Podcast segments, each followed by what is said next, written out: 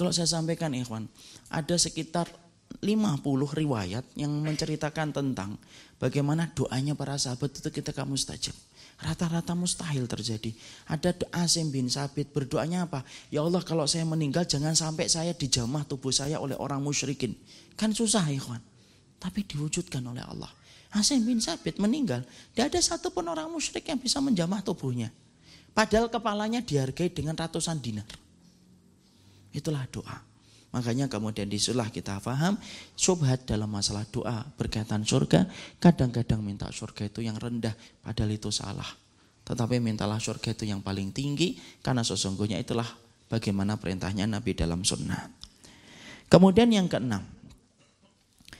Yang keenam itu maksud dari sebuah hadis. Ada sebuah hadis yang kemudian diterangkan bahwasanya Rasulullah SAW mengatakan la yanzua ahad la yanzua ahadum minkum bi amalihi. Qalu wa iyyaka ya Rasulullah. Qala wa iyyaya. Illa ayataghamadiyani Allahu bi rahmatihi wa fadl. Sesungguhnya Rasulullah itu mengatakan, sesungguhnya tidak ada di antara kalian itu yang berhasil dari neraka, dimasukkan ke dalam surga, itu kemudian dengan amalnya. Artinya tidak ada yang masuk surga karena amal. Kemudian kalau para sahabat bertanya, apakah engkau juga dimasukkan surga bukan karena amal ya Rasulullah? Iya, aku ini dimasukkan surga itu bukan karena amal, tetapi aku dimasukkan ke surga itu karena rahmatnya. Artinya apa sih masuk surga karena rahmat? Penting harus kita pahami sesuai dengan panduan yang dijelaskan para ahlul ilmi. Antum tahu ikhwan, hadis ini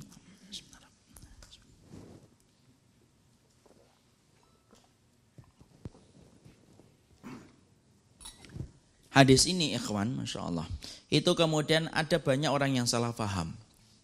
Bahkan kemudian sampai ada orang yang mengatakan ini jaminan bahwasanya Nabi Muhammad itu tidak dijamin masuk surga. Masya Allah fatal itu.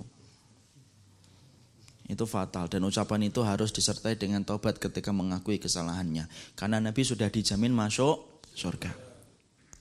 Tapi memahami hadis ini tuh gimana Ustaz? Bahwasanya orang itu dimasukkan surga itu bukan amalnya. Gini loh ikhwan, sesungguhnya satu jengkal tanah di surga itu harganya mahal betul.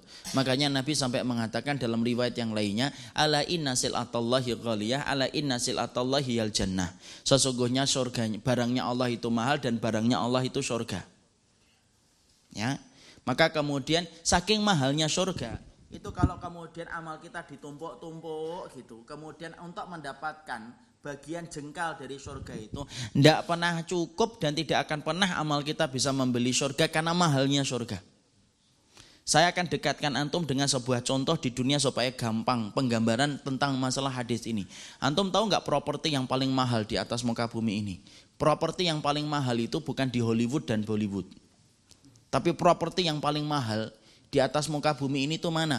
Di sekitar Masjidil Haram. Per meternya itu bisa sampai beberapa miliar ikhwan dan sampai puluhan miliar. Satu meternya saja di sekitar Masjidil Haram itu. Tanah yang paling mahal itu kemudian di sekitar Masjidil Haram. Abadi itu kemudian tempat itu akan ramai dan tidak akan pernah sepi selama-lamanya nanti sampai hari kiamat. Insya Allah. Maka tanahnya itu mahalnya luar biasa. Kalau antum bisa bayangkan, misal satu misalnya kemudian satu meternya satu mil, lima miliar, antum bisa bayangkan itu. Mungkin kita seumur hidup saja belum tentu bisa membeli satu meter. Membeli satu meter aja mungkin tidak mampu. Itu baru tanah di dunia di pinggiran Masjidil Haram. Antum bisa bayangkan kalau di pinggir Masjidil Haram saja sama hal itu dan bahkan kita kerja seumur hidup belum tentu bisa membeli satu meter. Loh apakah kita bayangkan bahwasanya jengkal tanah di surga itu jadi murah? Yunda. Ya Makanya kemudian harga dari surga itu harganya mahal. Yang bisa menyebabkan kita masuk surga itu bukan karena amal. Tapi amal antum yang mendapatkan rahmat. Rahmat itu yang menyebabkan kita dimasukkan ke surga. Makanya ada satu riwayat kan yang kemudian diterangkan ada orang itu dimasukkan oleh Allah ke dalam surga karena rahmatnya. Orang itu berkata, saya masuk surga karena amalku ya Allah. Enggak, kamu masuk surga itu karena rahmatku.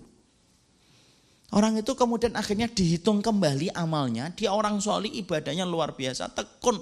Orang yang betul-betul ahli ibadah, zuhud, warok dia. Ditumpuk itu kemudian dihitung kemudian malaikat, kemudian setelah dikumpulkan semua tumpukan ibadahnya yang begitu berlimpah dan mempesona itu, kemudian Allah memberikan perintah. Semua ibadahnya itu untuk ganti kenikmatan dunia dulu sebelum mendapatkan kenikmatan surga. Kemudian dihitung semua kenikmatan dunia yang pernah dia rasakan. Setelah ketemu, dipakai untuk bayar kenikmatan dunia. Antum tahu? Hanya untuk membayar kenikmatan mata sebelah aja tidak cukup semua ibadahnya. Malaikat berkata, semua ibadahmu bayar kenikmatan matamu sebelah tok tidak cukup. Belum mata yang sebelah, belum udara, belum jantung, belum empedu, belum kemampuan kencing, BAB, air, buah, semua makanan dan semua yang kamu rasakan. Tidak cukup. Hanya untuk bayar mata sebelah saja tidak cukup. Orang itu akhirnya berkata, saya masuk surga itu karena rahmatmu ya Allah. Nah di situlah kita paham. Kenapa kemudian kita beramal itu supaya mendapatkan rahmat. Bukan berarti hadis ini memberikan kepada kita berarti amal itu tidak penting Ustaz. Enggak lah.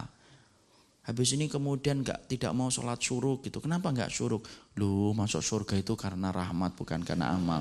Bukan gitu. Tapi kita beramal dan beramal supaya amal itu mendapatkan rahmat. Kenapa antum ngaji, subuh-subuh datang, kemudian setengah empat antum sudah pergi dari rumah? Karena menjemput rahmat. Kenapa kita sodakah menjemput rahmat? Karena apabila ibadah kita lebih banyak daripada keburukan kita, itu sebab Allah memberikan rahmat dalam kehidupan. Itu loh maksudnya. Kenapa Allah itu, kenapa Rasul itu mengatakan masuk surga itu karena rahmat dan bukan karena amal.